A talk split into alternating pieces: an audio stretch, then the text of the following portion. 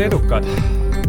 edu valem saade alustab taas ja Manta Maja stuudios Maksim Tuul ja Siim Semiskar. Siim, eelmises saates küsisin su käest, et kas kahe tuhande kahekümnenda aasta eesmärgid seatud ja nagu ikka, lähedased inimesed peavad ju toetama ja utsitama kaaslasi, et küsin siis taaskord, et kas nüüd on eesmärgid paigas? jah, nagu sa mäletad, siis, äh, siis ma vastasin, et mul ei ole mingeid eesmärke veel paigas, ei ole kirja pandud ega midagi, aga kuna meil eelmine külaline Gerd Kanter siin rääkis äh, eesmärkide seadmisest ja edukaks olemisest, siis tegin mina selle paari nädala jooksul selle asja ära, panin eesmärgid kirja, nüüd on kõik olemas.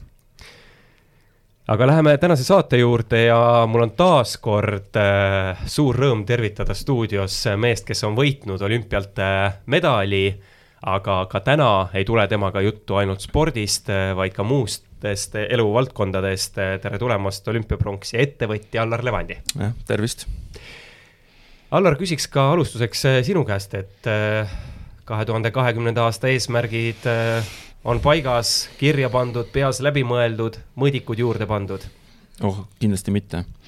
et äh, võibki alustada sellest, et inimesed on täiesti erinevad erinevad käituvad erinevalt ja eduvalemid on ka täiesti erinevad. et äh, minu, mina ei ole, mina ei ole planeerija, äh, äh, võib-olla siis mingi suur plaan on küll, jah, et ma pean tööd tegema ja mingeid asju ajama, aga aga, aga niisugust, et äh, tahan kuhugile ja midagi jõuda või ära teha või sellist asja ei ole. ja see on kõik mul alateadlikult Äh, olen saanud ka kinnitust erinevatelt äh, koolitustelt ja ka inimestelt, kes on nagu samadel teemadel ka rääkinud ja üldjuhul me ju nendel seminaridel käimegi ainult selleks, et saada kinnitust äh, oma mantrale, ehk siis nagu see, kes sa tegelikult oled.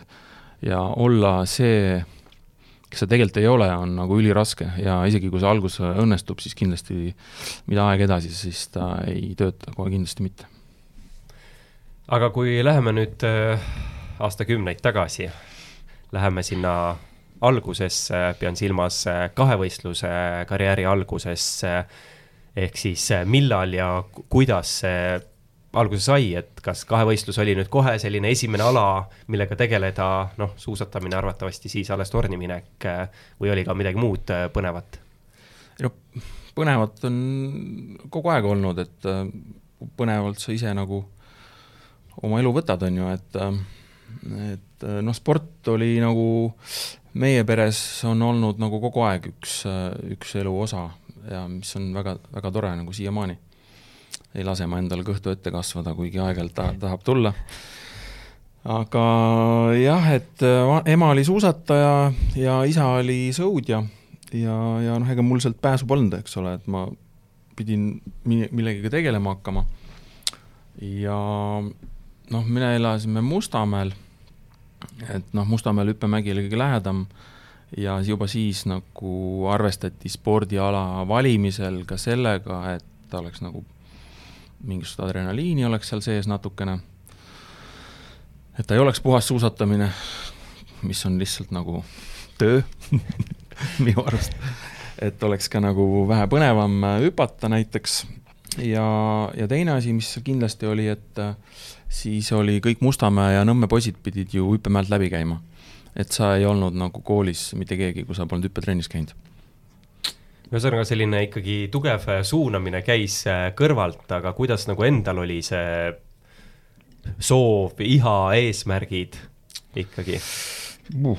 jälle need eesmärgid, ega ei ole, no ma ei, ma mäletan, et ega need olid pigem vanemate eesmärgid, et ja ma arvan, et äh, lapsed, kes hakkavad valima mingeid asju, et see on, on, on väga nagu liialdatud fakt, et lapsed äh, peavad ise valima, lapsed ei vali tegelikult tuhkagi, noh. kui nad valiks, nad istuks äh, kodus ja mängiks oma mänge ja sööks kommi, noh. et, et nii lihtne see ongi, et selge on see, et lapsi tuleb suunata, see on nagu äh, noh, spordis, ma arvan, et kõigis asjades, kunstis, äh, laulmises, muusikas, igal pool. et selge see, et sa ju, lapsevanem ju näeb, on ju, mis ta, mis ta suudab, mida ta oskab, kuhu poole ta, aga ja siis tuleb nagu järjepidevalt nagu hoida selle asja juures.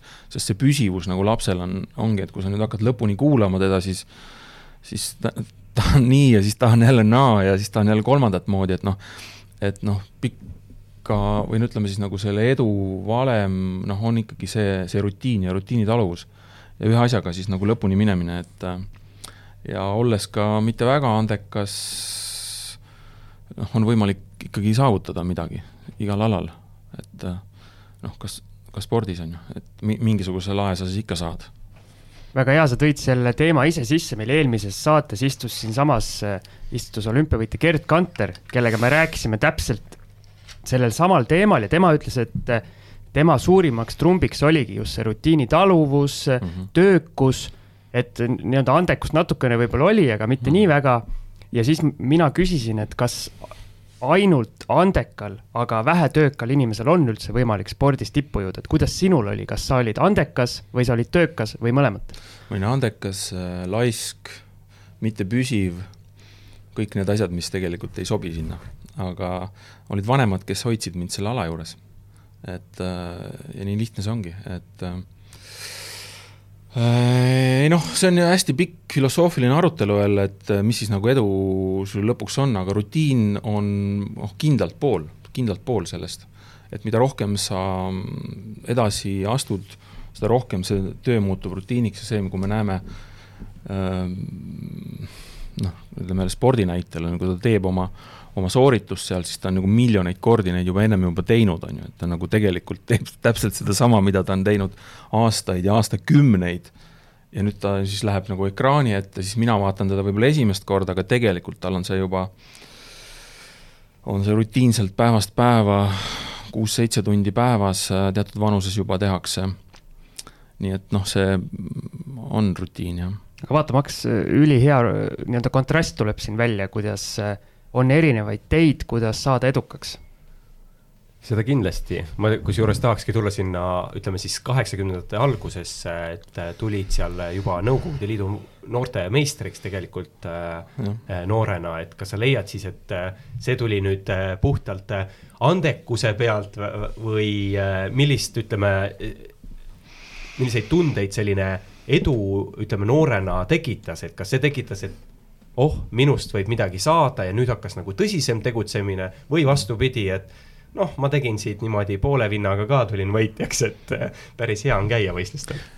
no, noh, jumala õige, noh, tegelikult nii see ongi, et ega, ega sa ju noh, sa saad neid indikatsioone, et läheb hästi, on ju, ega sa noh, kes siis analüüsib, on ju, et noh, tegelikult noh, me räägime analüüsi ja kõigest nendest ilusatest sõnadest, aga noh, tegelikult ju sa teed, kui sul tuleb midagi välja, näiteks saavutad mingi koha kuskil, no see muidu selge see, et see annab sulle nagu positiivse laengu, kindlasti sa hakkad sellest järjest rohkem tegema.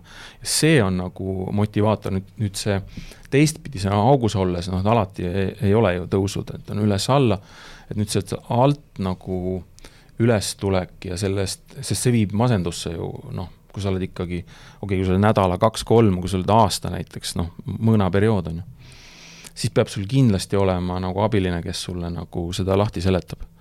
ja noh, tihtilugu nagu spordis on see, et, et sa oled omas selles mahlas, sa oled omas selles tipus, sa ajad oma asju, sa mõtled oma rumalaid mõtteid, tihtilugu täiesti ebaadekvaatseid asju, nüüd peab keegi sul kindlalt olema kõrval, kes kes nagu ütleb, et hei, et nüüd on see periood, on ju, et teeme midagi muud näiteks või või et see läheb üle kõik, on ju, et et eh, noh, kui sul oled olnud hea, on ju näiteks noh, on mõne aasta, siis, siis, siis keegi peab alati sind nagu selles mõttes nagu, nagu aitama, on ju.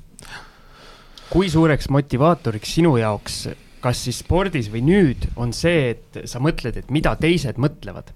sest eh, Eestis tundub see olevat, et sellist nii-öelda positiivset kuvandit kasvatada on niisugune pikk ja, pikk ja keeruline töö, aga kui sa eksid, siis kritiseerijad on nagu kohe platsis ja minul on see õnn olnud, et, et mul ei ole eriti olnud niisugust äh, negatiivset kuvandit, et noh, selliseid äh,, selliseid on nagu suht vähe Eestis ikkagi. et noh, ütleme noh, võib-olla mina olin üks nendest, kes siis pääses suht kergelt ilma igasuguste, noh, ka meedia oli teistsugune, ütleme nii. Äh, noh, Gert võib-olla oli ka üks, kes nagu oli suht puhaste paberitega läbis, on ju. aga noh, kõigil, kõigil käib ja see on nagu, jah, no me jõuame selle meedia juurde ka, et ega, ega nagu meedia on hoopis teistsugune, kui oli vanasti. me tegime pikki intervjuusid kehakultuuri ja ma läksin ja elasin Gunnar Pressi juures terve õhtu, rääkisime juttu, naine tegi süüa äh,, istusime, rääkisime, et niimoodi tehti. ja, ja võeti siis välja need asjad, mis nagu noh, ei kõlba näiteks, noh, räägiti, et seda ei tohi panna, Ida-Saksa ei tohtinud öelda, pidi ütlema Saksa Demokraatlik Vabariik, noh, see on niisugune niisugune natukene niisugune näide, aga noh, üldiselt nad ikkagi panid selle ja võtsid sealt selle, mida sa öelda tahtsid, on ju. Et ja mis oli nagu vajalik ka, noh, ma ei tea jälle, õige või vale, on ju, praegult on, mina ei julge enam, ma ei julge nagu ühelegi ajakirjanikule, kes helistab, küsib mingi küsimuse, siis ma tean, et see tõmmatakse kas pealkirjaks, kontekstist välja või, või mis, mis, mis taust on, enam ei julge noh, lihtsalt ei julge enam ühtegi nagu lauset öelda, tuleb alati öelda, et millega see seoses on noh. et noh, see on nagu erinevad maailmad, on ju. Et varem, varem olime ju kõik lahtised. nüüd me oleme kinnised kõik.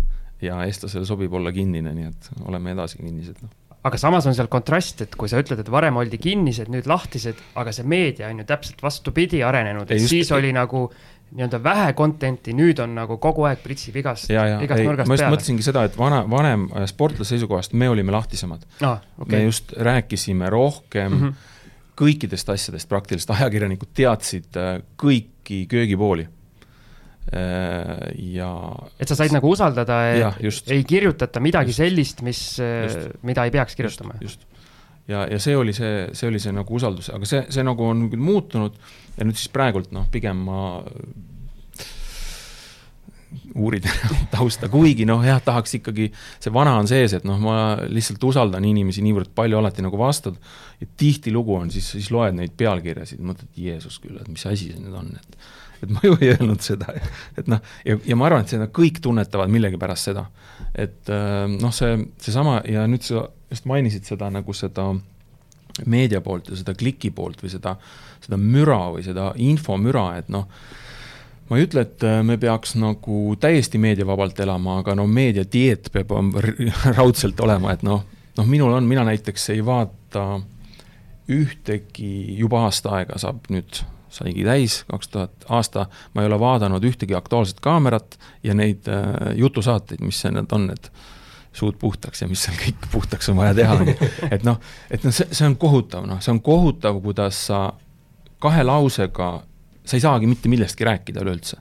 see on lihtsalt, pumbatakse inimesed üles telekate taga ja kui sa tahad nagu mingit sisulist poolt seal rääkida, no see on võimatu.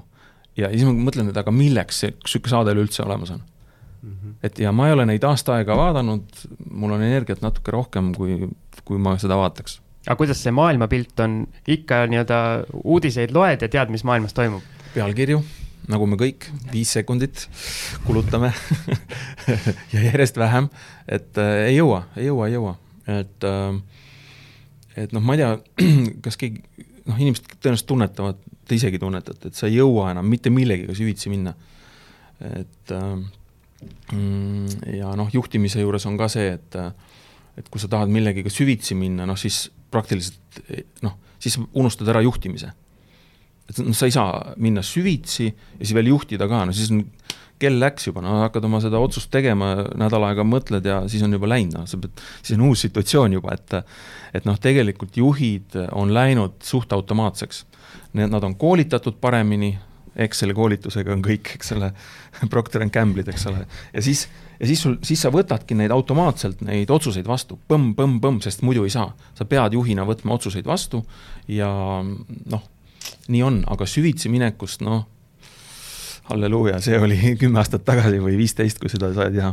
aga mulle tundub, et see on nagu ju nii-öelda tippsportlane. Spordis peab ju ka kogu aeg reageerima mingitele olukordadele ja neid otsused peavad olema momentaalsed, et. nojah, nii on jah. ja see ongi, see ongi see, no ütleme, et ka juhtimise juurde nüüd neid paralleele tõmmates, et noh, ikkagi juhid on ju ka õppinud noh, iseloomu, kas ta sobib juhiks, ta ei sobi juhiks, noh paljud ei sobigi, noh, tal on raske olla, kui ta ei ole juhi tüüpi.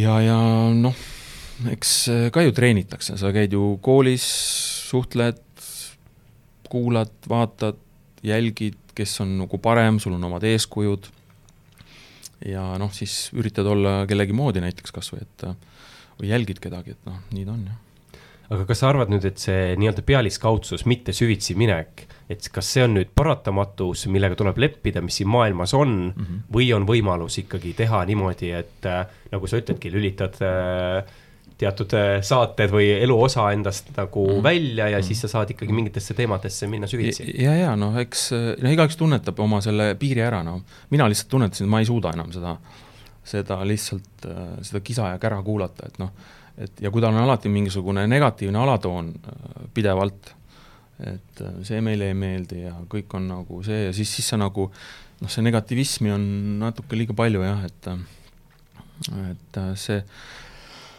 see on jah, et ma ei oskagi rohkem midagi öelda. aga kuidas sellistel, ütleme, hetkedel või oma elus siis ikkagi just sellist positiivsust üleval hoida, et tegelikult noh, tihti tuleb eriti siin talvel pimedal ajal ikka jutuks, et mm -hmm. raske on olla, inimesed on nii negatiivsed ja kõik on kurjad ja õelad ja et mida siis nagu teha, et ei. Äh, no nädalaks saab päikese alla sõita aga, aga üldiselt. jah, ma just tulin nädalaks, aga noh, ega seal ka ei ole lihtne teil, et kuskil ei ole lihtne, et äh, ei noh, ikkagi loodus, loodus on see, mis nagu, mida mina olen aru saanud, mis on nagu, ta ei küsi sult midagi vastu, Äh, loodusesse minek, omaette olemine, noh, jooksmas käimine näiteks, käid jooksmas, sul lööb selle hapniku käima, vere käima, mõtted hakkavad kohe selginema.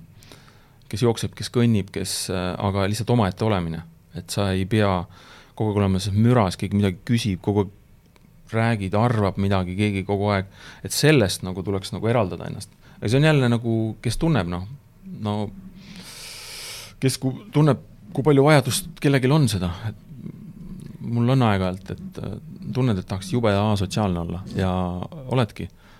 eriti, kui näiteks satub olema nädalavahetus, kus sa saad nagu päris üksi olla. et ei pea neid koduasju ka nagu sättima seal, siis, siis on nagu ikka kvaliteetaeg, noh, selles mõttes, et päev otsa võid olla kõige kaks, mitte ühtegi sõna ei räägi. lihtsalt käid ühest kohast teise ja siis saad, siis esmaspäeval tunned, et huh et nagu noh, nüüd saab jälle. see on jälle minu asi, et no võib-olla osadel ei ole sellist asja ühesõnaga, ma eeldan, et äh, kui sa nii-öelda omaette oled ja näiteks jooksmas käid, et äh, kõrvaklappe vist ka pähe ei pane, et täitsa saaksid mõtted no jah, see on jah, see on omaette asi, et prillid peavad ees olema ja kõrvaklapid peas, et miks sa sinna loodusse lähed siis, et noh, sellest, sellest ma nagu ei saa aru, aga noh, kellelgi on seal muusikat vaja. ei no lihtsalt ja, ja, et... tegelikult ju öeldakse, et paljud äh, ei olegi sellepärast omaette, et ei suudeta olla iseendaga hakkama saada. vastab tõele, jah. et noh, näiteks Urmas Sõõrumaa käib pimedas ruumis ju et noh, me võime seda arvustada, meil võib oma arvamus sellest olla, aga ma kujutan ette, et enamus meist ei suudagi seda teha üleüldse. olla iseendaga nädal aega, kümme päeva, noh, veel veel pimedas ja mitte midagi rääkida ka veel, et hello, on ju. et andke mulle mingi telekanal vahepeal, et aga see on minu arust tubli, noh, naljaga pooleks, ega Urmas käib kümme päeva, aga me, meil on siin juba teist kuud päris pime, noh et pole vaja minnagi kuskile. et me alguses sellest sportlaskarjäärist nüüd libisesime suht kiirelt üle, aga selle jutu jätkuks, sa tegid sellist ala, kus sul oligi hästi palju sellist üksi olemise hetke ju, sest nii-öelda suusatamine mm, -hmm. Tundide kaupa ju nii-öelda treeningutel äh, said justkui üksi olla, või siis, kui sa teed seda nii-öelda nagu tippspordina, et siis mm -hmm. see pulss on nii laes, et sa sellist nagu mõnu ei saa? ei, saab ikka, noh, see, seda rutiini on võimalik nautida väga ja ma arvan, et inimesed, kes on seda nagu tunnetanud, ma ei, ma ei ütle, et et äh, Gerd Kanter, äh, kui ta teeb rutiinset trenni, see on tegelikult, äh, teisipidi on see hästi nauditav. sa teed seda, sul on, hommikul sa ärkad, siis sa lähed, siis sa tuled, siis sa jälle masse-, kõik asjad on nagu paigas, sul on nagu režiimid ja, ja see on nauditav tegelikult, et see ja noh, kui rääkida, et äh, noh, jah, vahepeal kogu aeg ei taha üksi ka olla, et siis sul on ikkagi ju semud, kellega koos nagu noh, kas või suusatad, on ju. noh, hüppemäel ju saad ka käia üles-alla, siis äh, ikka vahepeal räägid kellegagi, et jah, Gerd ütles ka, et, et selle rutiini taluvuse teebki lihtsamaks või lihtsaks see, et sa et sa teed küll rutiinset asja, aga sa teed seda, mis sulle meeldib mm. -hmm, just, just, ja noh, see on, tulles tagasi jälle selle spordiala valiku juurde või no üleüldse mingi ala eluks, et siis ikkagi noh, lapsevanematel on hästi suur roll suunata last sinna kohe päris algusest saadik, noh, ta võib asju muid proovida ka, on ju, aga et ta läheb mingi asjaga ja sa näed, et see sobib talle, laulmine näiteks või kitarri mängimine, ja sa hoiad teda sealjuures ja siis lõpuks ta hakkab nautima ja kui sa selle naudinguga lähed nagu läbi elu, et noh, see on siis kvaliteet minu arust aga rääkides sellest just konkreetselt kahevõistlusest, see on ikkagi selline ala, et minu meelest nii hüpetel kui murdmaal ainuke ühi-, ühine nimetaja on see, et sul on suusad jalas mm. -hmm. nii, et eh, kas sinul oli vaja sellist spordiala, mis koosneb kahest nagu ütleme, nii, nii erinevast elemendist? no eestlasele sobib, noh, sa võtad ükstapuha mis alasid, kus eestlased edukad on olnud, siis äh, kõik need on mitmevõistlused enam, enamjaolt.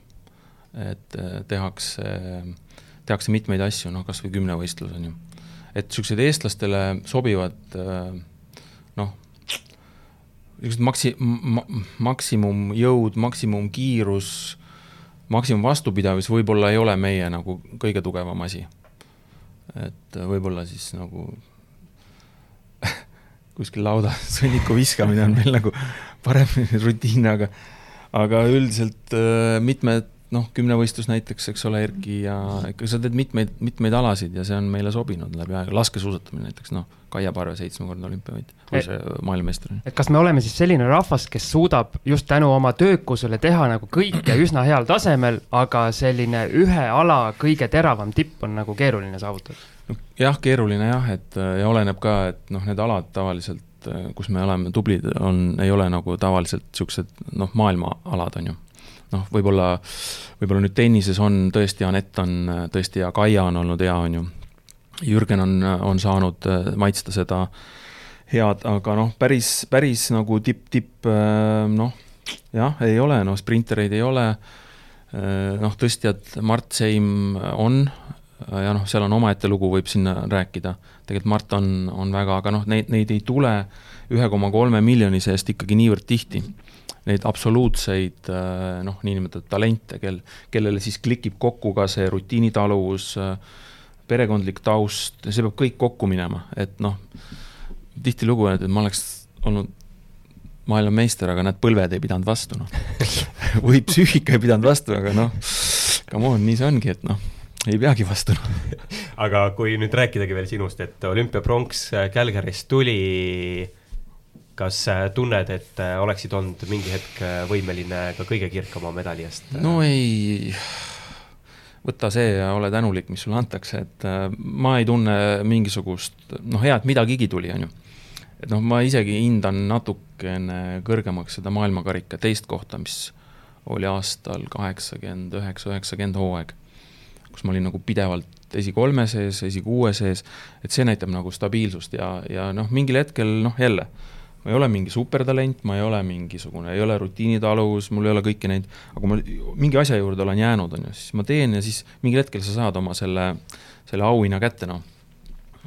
kellele siis väiksema, kellele suurema, eks ole aga kui oluline sinu elus see olümpiamedal üldse oli, et kui seda ei oleks tulnud, milline see Allar Levandi elu pärast seda oleks teistmoodi läinud kui praegu, oskaksid sa kuidagi nagu? ei oska, seda ei tea, noh, selge on see, et äh, et äh, see tuli, ma olen tänulik, et ta tuli ja noh, noh, Eestis on see tähtis ja noh, ma olen olnud suht, suht avatud ja ütleme siis nagu nagu jõgi tüüpi inimene, et ma ei lähe läbi seinte kunagi, et ma nagu voolan, on ju. et kui on probleem, siis ma alati ootan.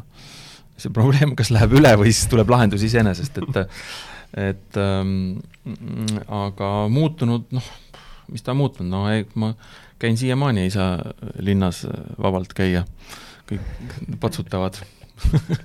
Mis on, mis on tore, noh, selles mõttes, et see, see on nagu niivõrd nagu tore, noh, see, mul sattus see kaheksakümne kaheksa aasta oli niisugune noh, eestlastele ka see, see vabanemise aasta ja eufooria aasta, võib-olla ka noh, see periood iseenesest ja siis äh, see on nagu meelde jäänud inimestele, et äh, ja mulle on see nagu, ma olen väga tänulik, et see nii on, eks ma jah, ise katsun mitte seda ära rikkuda. aga ma arvan, et selline sportlaskarjääri jutu võikski nüüd äh, kokku võtta ja enne kui hakkame rääkima sellest, mis on toimunud elus äh, pärast seda, teeme lühikese pausi ja välkküsimuste vooru.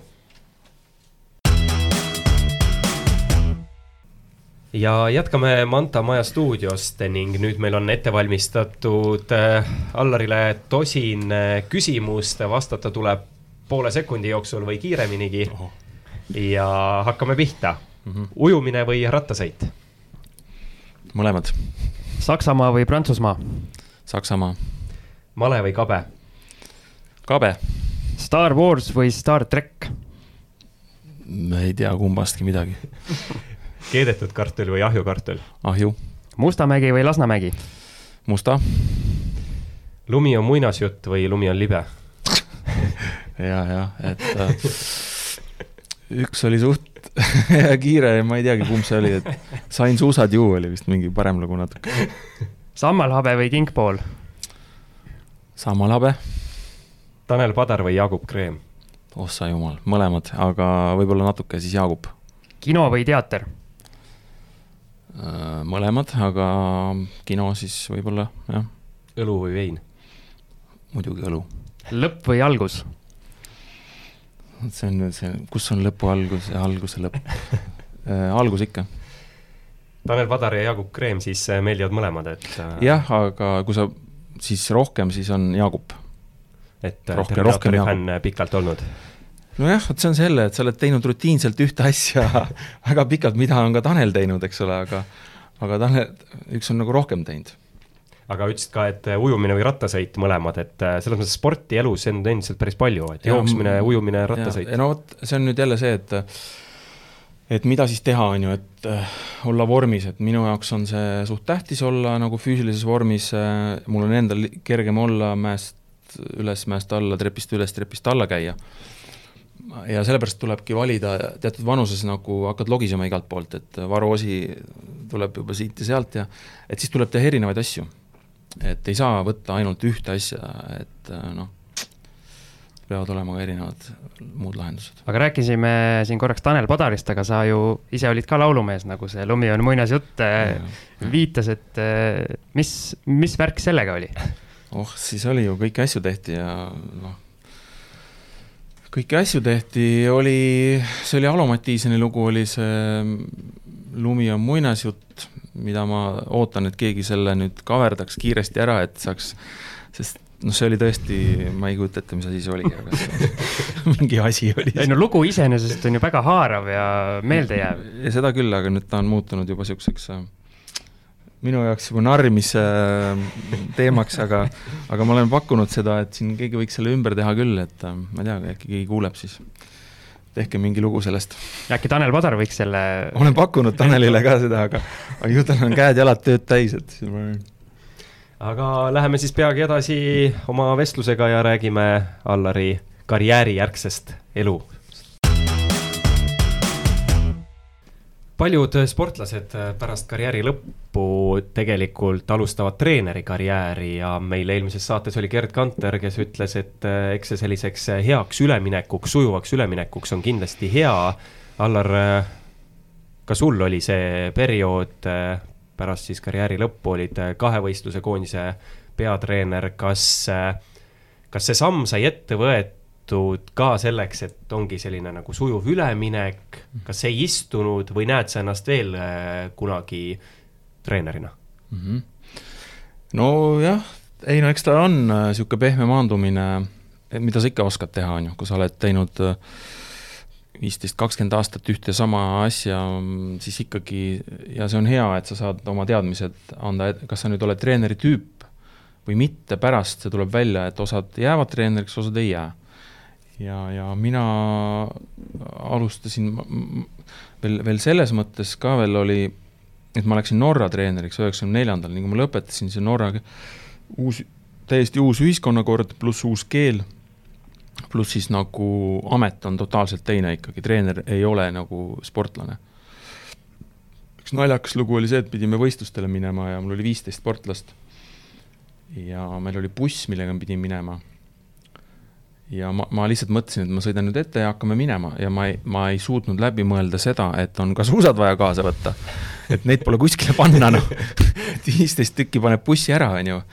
aga et oli vaja ka veel nagu järelkäru võtta, et mm, et noh, see treeneri amet on hoopis, hoopis teistsugune, jah kas ja... toona siis ei olnud seda, et suur meeskond on ümber mänedžerid, asjaajajad? ei, ei, siis sa olid, ise olidki kõik, treener, et see, see on nagu jah, see, okei okay,, seda me ei puuduta praegu, seda mänedžerid ja nende asja, aga aga, ja siis olin treener Eestis pärast neli aastat ja siis sai nagu mõõt täis, et minu jaoks nagu ei no ei, ei enam ei suuda ja Anna on ka nüüd treener, on ju, ja kaks treenerit nagu ühte majja ei mahu mitte mingi valemiga kas siis nagu töö tuleb koju kaasa või? töö tuleb koju kaasa ja noh, minul on ainult reisud ju. noh, mul lume peal ikkagi see ala veel siiamaani toimib, on ju, et aga lund ei ole, et siis ma pean, ja seal ei ole lühikesed, no seal on ikka kaks-kolm, noh, kolm nädalat miinimum, noh, niisugused kaks-kolm nädalat edasi-tagasi reisid, et noh, ma arvan, et see ei oleks olnud võimalik, jah. ja kui sa mõtled seda, et kas edaspidi, noh, nüüd on nagu selles mõttes on elu on nagu noh, ikkagi jälle nagu paika vajunud, et, et äh, kui nüüd selle Tallinna hüppemäe juures saaks, saaks korda selle, et seal on, seal on see torn, mitte see hüppetorn ise, vaid see treenerite torn on täpselt samasugune siis, kui mina tulin. ja kui mina tulin, siis ta oli juba vana. Et ma olen niisugune trepp, kust ma kunagi titena või ma ei tea, alla kukkusin, pea lõin vastu kivi ära, see kivi on ka veel alles seal. Et hea on ikka meenutada nagu selles mõttes mõned no, asjad ei muutu. Et noh, jah, et, et noh, jah, aeg on muutunud, et selge see, et kui seda, seda ala tehakse ikkagi väga näpuotsaga praegult, et kuigi ta on iseenesest on tore, adrenaliini lastele meeldib, ikkagi läbi elada ja et kui selle nagu hüppemäe mingi valemiga korda saaks seal, et siis, siis miks mitte, et eriti väikestega, et tahaks teha noh, seal vanuses äh, kuus kuni kümme, et vanematega ei taha, et seal läheb juba, tulevad pisvinnid näkku ja nad hakkavad hakkavad oma arvamust avaldama, aga lastega on hea, nad vaatavad sulle silma ja on õnnelikud kõik, mis sa teed nendega. aga kuidas sinuga on, kas sinu nii-öelda know-how'd veel äh, kahevõistlusringkondades nii-öelda tunnustatakse või tahetakse teada, kas sind küsitakse, et tule anna meile nõu või midagi, või see ala on nii palju edasi liikunud, et need vanad tegijad on nii-öelda unustatud? Ei, ma ei, mina ei surugi kuskile, et noh, kui keegi küsib midagi, siis võib ju arvamust avaldada, aga aga noh, selge on see, et see, kes on seal sees, see, see peab tegema neid asju. ja ala on noh, muutunud mingisugusel jah, mingi vormid muutuvad, treeningu metoodikad võib-olla muutuvad, noh kuna ala muutub, on üks hüpe ja kümme kilomeetrit ja üks hüpe ja noh, meil oli ikka kolm hüpet ja nii edasi ja viisteist kilti et noh, see on, treeningmetoodika on muutunud, aga noh, põhimõtted on samad, et trenni tuleb teha selleks, et tippu jõuda. Et see on nagu, ja see on nagu elementaarne, mida unustatakse praegu ära, kõik asjad on muu, muud on tähtsamad, psühholoogid, dietoloogid, taustajõud, kõik on ülitähtsad, on ju aga kallis sõber, et noh, kas sa nagu mõne kolmese ka sisse viskad või noh, et hakkame sellest peale, et siis, et siis viska kõigepealt neid kolmeseid, siis ma annan sulle ketsid, noh. no see põhimõte, ma ei ütle, et nüüd ketse pole vaja anda, et palju jalu peab mängima, aga aga see põhimõte, et need nagu, nagu basic asjad unustatakse ära. et mis asi see sport üleüldse on, et noh, et, et noh, seda oleks hea ja noh, mina ütlen alati seda, et Erki Noolt peab äh, sportlased peaksid saama Erki Noolt kord kuus profülaktika mõttes kuulata sest Erkil on üli, minu arust on üli, jah, ta, ta värvikalt neid oma arvamusi avaldab ja, aga põhimõtted on tal õiged, noh. aga Erki on vist põhimõttelt siis rohkem ikkagi selline läbi seina, et hästi jah, seda küll. Erki, noh, on olemas erinevad ju tüübid, eks ole, on noh, minusugused on nagu niisugused jõgitüüpi ja siis on olemas äh, on olemas läbi seina tüüpi inimesed, on ju, et ja siis on veel noh, näiteks äh, ainult nagu võite tunnistavad inimesed, noh, ma võin näiteid tuua, Erika Salumäe, Erki Nool, Jaan Talts, Aavo Pikkus, need on noh, ma ei tea, kaasajast niisuguseid nagu, niisuguseid nagu juurikaid heas mõttes, et äh, nad ei tunnistagi mingit number kahte. isegi kui ta on number kaks, ta ei tunnista ikkagi number kahte. kui lihtne või kerge neil äh, või, või raske on nagu pärast elus, noh, see on ise jutt, on ju ja siis on olemas nagu noh, mina, Riho Suun näiteks kunagi, niisugused nagu noh, ei, ei lähe läbi seina, ei hakka kaklema selle nimel, et kes on number üks, las ta siis olla. aga selle võrra siis eh, on sul olnud ikkagi lihtsam eh, tulla nii-öelda tavaellu pärast sportlaskarjääri, pärast treenerikarjääri, kuidas selle, ütleme, ettevõtluse juurde jõudsid, ma saan aru, ka see vähemalt esialgu või tegelikult ka tänase päevani on seotud spordiga. No vot, eks see ongi, et noh, elu viskab ju sulle asju ette, on ju, et ähm, noh, midagi tuleb ju teha, et kui treenerid töötasid ära, on ju, siis siis mingi hetk noh, pead vaatama, sulle meeldib, noh näiteks kas seesama, paljud sportlased, üks on treenerite rida, teine on nüüd see ettevõtlus, et see ja ka spordiasi, eks ole, no sa võtad, oled ujuja, siis hakkad neid trussikuid müüma neid spiidosid müüma ja noh, oled suusataja, siis müüd suuski ja noh, ja noh, nii see on, on ju, et ähm, aga jah. Aga see ettevõtluse alge on sul nagu noorest peale juba olnud, et teame, et sa olid ju nõukaaja sportlane, et kui palju sealt nii-öelda vaba maa, vabast maailmast neid teksapaare sai toodud ja siin pärast mm. maha äritud? mina ei ole üldse selline tüüp ja pigem ma ei ole ettevõtja, noh, ütleme selles mõttes, et, et mul ideed tulevad, aga mul on vaja kõrvale just sellist sama noh, rutiini inimest, kes kes on noh, üks on nagu idee inimene, teine on nagu teostaja, mul on kindlalt teostajat vaja kõrvale, et äh, ma üksi nagu üksik inimene ei ole, üksik tegija ei ole. aga samas äh, oled äh, selles nii-öelda siis ettevõtlusmaailmas praegu olnud nagu edukas, et kõik ettevõtted on nii-öelda vee peal püsinud. elus veel, eks ole meil oli kaugemalt peale, et ähm, noh, ma töötan praegu selles ähm, PUFFis ehk siis nagu see ähm, ennustusportaalis ja ja siis meil on hästi palju kohtumisi erinevate taotlustega ja, ja koostöövariandid ja siis äh, üks veebi, veebilehekülg tuli, siis ütles, et me siin nagu jookseme käima, et noh, kuus kuud, et siis peaks nagu nina vee peale saama. Ja siis ma mõtlesin nagu enda spordiettevõtet, mis on siis nagu aastast üheksakümmend kuus, kus me nimetame ennast MTÜ-ks, ehk siis nagu siiamaani pole veel nagu midagi saanud, eks ole. et see on nüüd siis ütleme siis nagu kakskümmend kolm aastat juba. ehk siis nagu noh, on, on erinevad ettevõtlusvariandid, et, et ka see spordiäri kui selline on nagu elustiil pigem ta ei ole nagu noh, jah, sa pead need asjad tellima, sa pead need noh, rahad vaatama, maksma, koostööpartnerid, rahavood, kõik tuleb nagu jälgida, noh, mida ma üksi jälle ei ole teinud, aga lihtsalt, et sa pead nagu arvestama sellega ja aga noh, see, et sealt nagu midagi sul näppude vahele jääb, et noh, see on nagu, siin üksikud jah, kes suudavad seda nagu teha. spordiäris ma mõtlen aga sa oled, rääkisid siin PUFFis, kus sa oled nii-öelda ikkagi äh, palgaline juht mm, -hmm. aga samas oled ka ise nagu oma ettevõtte loonud mm, -hmm. teinud, et äh, kuidas sa sellist ikkagi oma ettevõtte juhtimist ja ütleme, palgatöölisena ettevõtte juhtimist võrdleksid? no alati tasub minu arust proovida kohe nagu enda ettevõtlust, number üks. et vaatad, kas sa, kas sa suudad neid särke tellida ja pärast maha müüa. ja et siis, et kasum, käive ei olegi kasum, eks ole, et sellest aru saada, eks ole. et ja kui sa selle nagu ära, et siis on nagu selles mõttes, siis on tänuväärne töö tehtud, et sa oled nagu oma kodutöö ise ära teinud. ja et siis sa jõuad, et ja, ja kui sellised inimesed on nagu näiteks siis nagu nii-öelda palgatööl või siis, siis nad on tänuväärsed selles mõttes, et nad oskavad nagu, see neil on DNA-sse juba sisse kirjutatud, et ma, ma ei raiska lihtsalt niisama. Et ma saan aru, et riigisektoris on, on igast muud ülesanded, ka sotsiaalsed pooled ja nii edasi, et seda sa pead nagu arvestama. aga just selle nagu kulude poolt, et noh, ma lihtsalt ei telli mingisuguseid asju igaks juhuks, on ju. et ma võtan neid kleepse nats rohkem, on ju, noh, küll see keegi kinni maksab selle, et noh, sa ei võta, sa võtad täpselt nii palju kleepse, kui sul on vaja täpselt seina peale panna. et siin on suitsunurk ja siin on väljapääs, eks ole. et nagu ma kuulsin, kuidas need äh, kuidas, kuidas need äh, parvlaevad, et neid seal võeti ühed, kleep-, kleebiti täis ja siis ei kõlvanud, võeti maha, pandi kohe uued, et noh, sellist asja nagu eraettevõtjana ei, noh, sa ikkagi mõtled nagu läbi, et see kleepsutamine ju maksab ka, no a la see on näide lihtsalt, aga aga nii on, jah. aga teeme veel äh, viimase lühikese pausi ja oleme peagi tagasi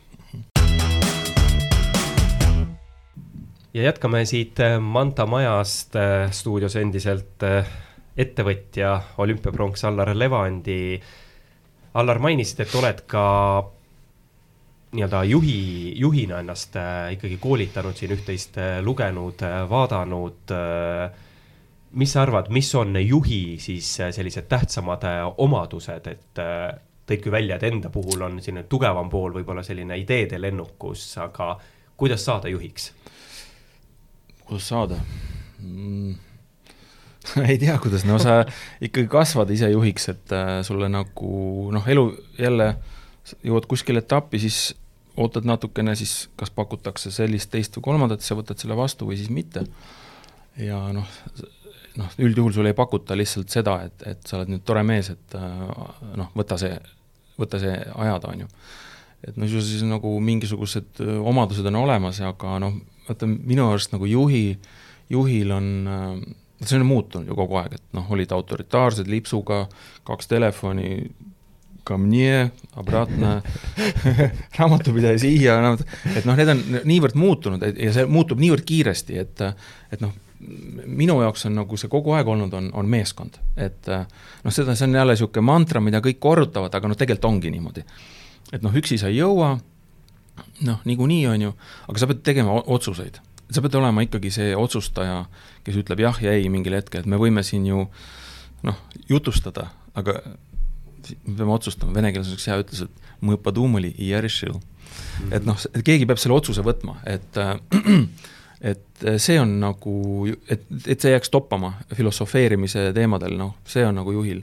ja see on läinud järjest kiiremaks, et noh, meil on vaja üks, kaks, kolm, otsus, okei okay.. ja, ja nüüd see jälle, see eraettevõtluse liin noh, ka minul praegult on see, et ma pean selle otsuse tegema siis sellise, et ah, las lendab, on ju, et see on nagu niikuinii võõras raha või, või mis iganes, et sa ei tunne, kui sa tunned omanikuna ennast või noh, natukene, et sa oled nagu üks osa sellest, et siis, siis need otsused tulevad ka sellest, et sa ei, sa ei lase nagu noh, ütleme raha tuulde siis. et need, aga need otsused on ka siis sellised, et ma, ma tahan, ma tahan, et, et me ikkagi miinimumiga teeme maksimumi ja sinus on äh, sellist nagu siis äh, otsustaja iseloomu sees, ma saan aru? ei, mulle meeldib otsustada jah, ja mida rohkem nagu niisuguseid nagu noh, igapäevased nagu igavad asjad, need ei ole, aga noh, aeg-ajalt on hea, kui niisugused nagu tekivad niisugused nagu ei saa neid kriisiasjadeks nimetada, aga nagu asjad, millega on vaja nagu keskenduda, et vot siis ma olen saanud aru, et mulle meeldivad need asjad. et kus sa võtadki ja, ja lahendad selle asja ära, lennuk jäi maha, pagas on kuskil, tooted on seal, tooted ei ole seal, et siis sa nagu hakkad nagu kohe hoopis teistmoodi mõtlema. et ähm, ja see on, juhil ongi see hea omadus, et ta peab, ta peab leidma lahenduse asjadele. aga kuidas sa hindad oma varem tehtud otsuste kuidas ma ütlen, nii-öelda kvaliteeti, et kas sa lähed mingi hetk ajas tagasi, vaatad neid otsuseid, mis tehti, et kas läks õigesti, läks valesti, õpid sealt midagi? No õpin, noh, kindlasti sa ju nahaalusega alati õpid neid asju ja, ja noh, sa lihtsalt alateadlikult ei hakka neid valesid otsuseid tegema. et mina ei ole jälle see analüüsija tüüp, kes võtab kaustiku välja, et me siin tegime vale otsuse, et noh, noh, inimene tegelikult, kui sa natukenegi äh, kuidas ma ütlen, nagu juhinagi nagu mõtled, siis teed kaheksakümmend protsenti, sa tead neid õigeid asju. küsimus on nüüd selles kahekümnes, on ju, et kas sa et äh, noh, kõik, kõigil on selline kogemus olemas, noh, küsi kas või ükstapuha kellelt siin, Enn Pandilt või Heiti Häälelt, on ju, et noh, nad, nemad on muidugi noh, suurema kaliibriga, aga, aga selge on see, et nad, nad teavad, nad võtavad mingeid otsuseid vastu palju, aga, aga nad teavad, nad võivad inimestel lasta nagu ka arutada sellel teemal. aga ta teab seda, seda tulemust, ta teab, kuhu see viib, tal juba see siin on nagu valmis. et noh, see on nagu see juhi, juhil hästi nagu tähtis asi. aga kuidas sa igapäevaselt äh tegeled endaga, arendad ennast, et, et saada nagu veel paremaks selles mõttes, et teha veel paremaid otsuseid? noh, veel parem.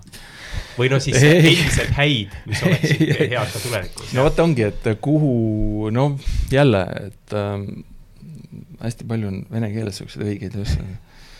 Lutše, Lutše Vrak Harošo on ju, et, ähm, et noh, selge on see, et sa nagu noh, see, see parema, paremus minu arust ongi seal, et sa ei tee, et sa, et sa ei kuluta aega noh, sellele jututoale a la.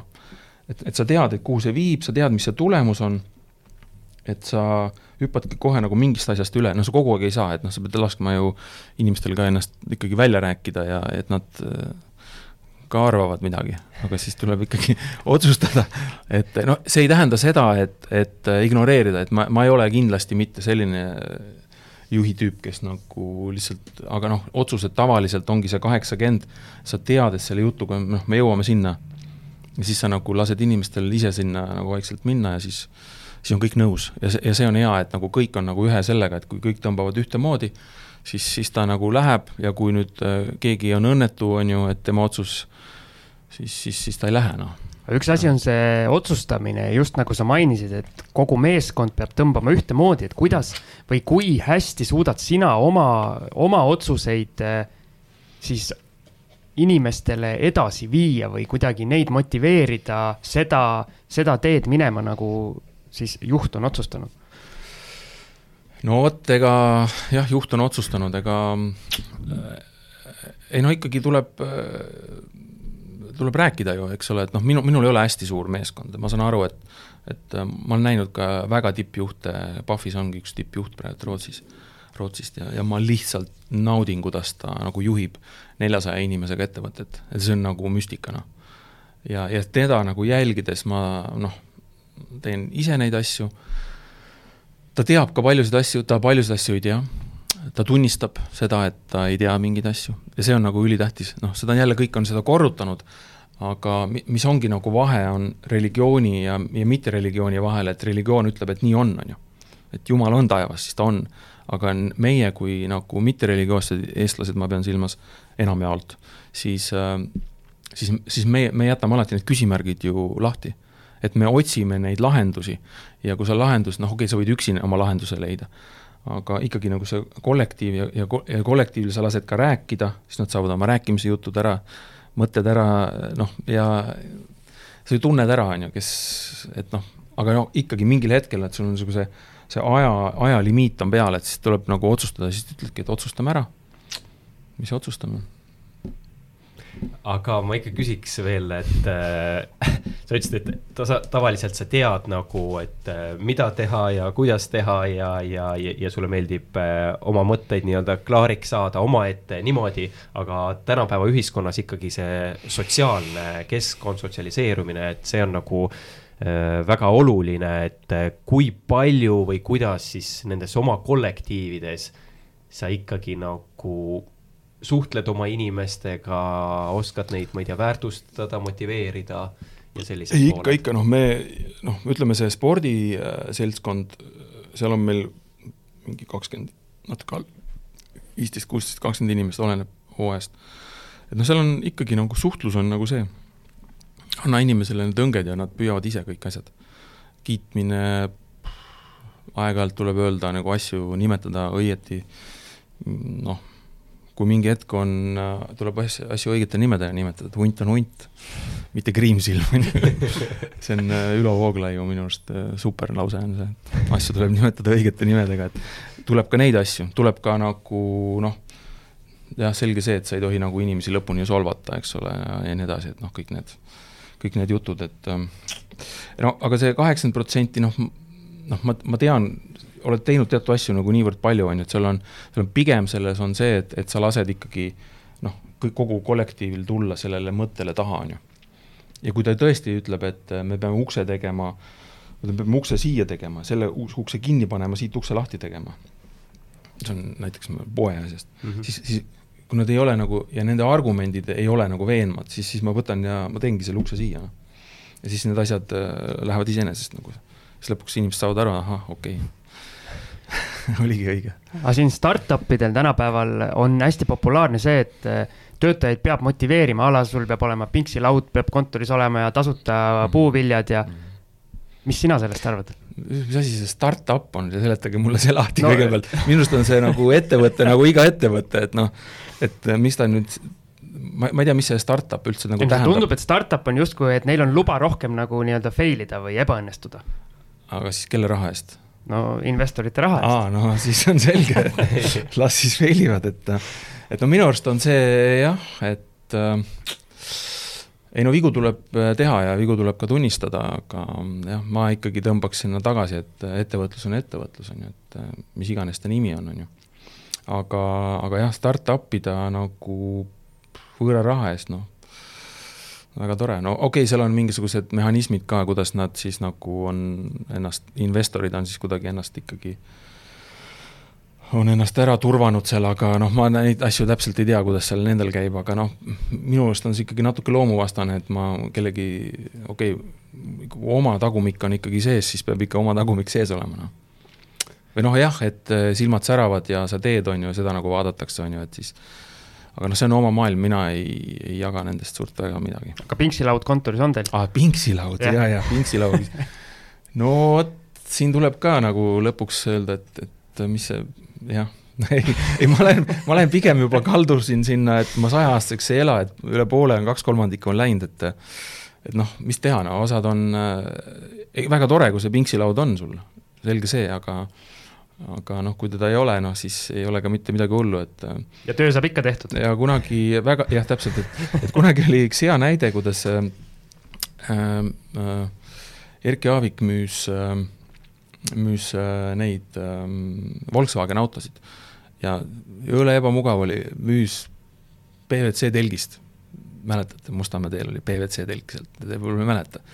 ja jõle hästi müüs, on ju, ja siis tehti ja e-, ega ta siis nagu ta võib ükstapuha kust selle müüa, PVC või mitte PVC, et noh, ja siis ehitati hirmsad lossid, on ju, aga siis, aga noh, et noh, see ei ole see näitaja, et tähtis on see, et see töö saab tehtud, on ju, et kui sul on vajadus sul ei ole vajadust, sul ei ole vaja välja mõelda, startup indus ei ole vaja mõelda asju välja, mida keegi ei kasuta, noh. et noh, tihtilugu hakatakse mõtlema mingi viguri, vigureid, niisuguseid, et kratsiks siitpoolt või teiselt poolt oma noh, et noh, come on, et kellele seda vaja on, et küsime nagu sellest otsast, on ju.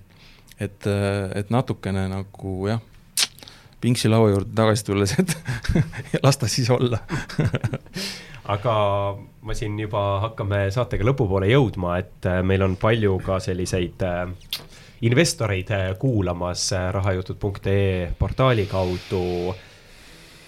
millised või palju sul endale investeeringuid on peale selle, et siis noh, oma ettevõttesse on muidugi investeeritud?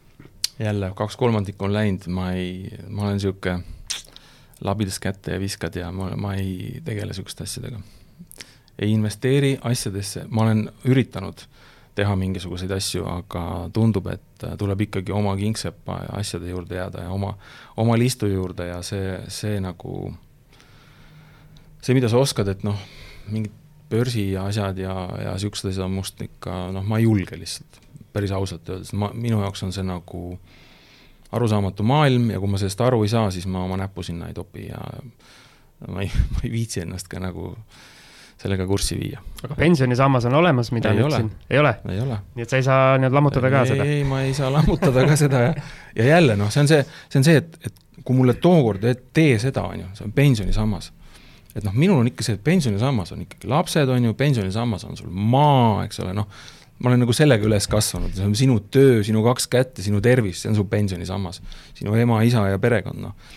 et noh, hakata siin pensionisammast ja ma ei ole teinud seda jah, et äh, mulle tundus see nats ebanormaalne, et äh, ja ma ei teinud seda ja noh, ma arvan, et oli okei okay, nagu. ma olen need poisid, kes äh, nüüd ostukeskustes müüvad ja siis küsivad, et, et kuidas sul see pension on, ütles, et mul ei ole, sul on siis vedanud. Ausad vastused.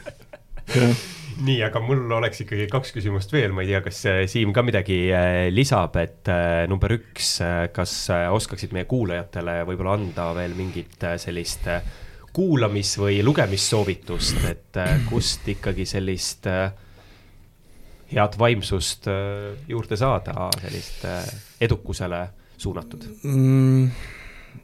Vot see noh, eks igaüks vaatab neid tehnilised asjad, äh, kes on müügiga, kes on juhtimise, noh neid raamatuid, mina ei ole neid küll väga-väga sirvinud, aga aga mina olen lugenud nagu niisugust maailma üldfilosoofilisi asju, et kuidas see maailm nagu üldse toimib ja ja miks asjad nii on, noh, ma olen viimasel ajal neid Hararisid olen lugenud, ma ei tea, sellega võib nõustuda või mitte, mis ta räägib, aga noh, ta seletab teatud asjad nagu lahti ja siis, siis mul endal nagu klikib siin äh, peas.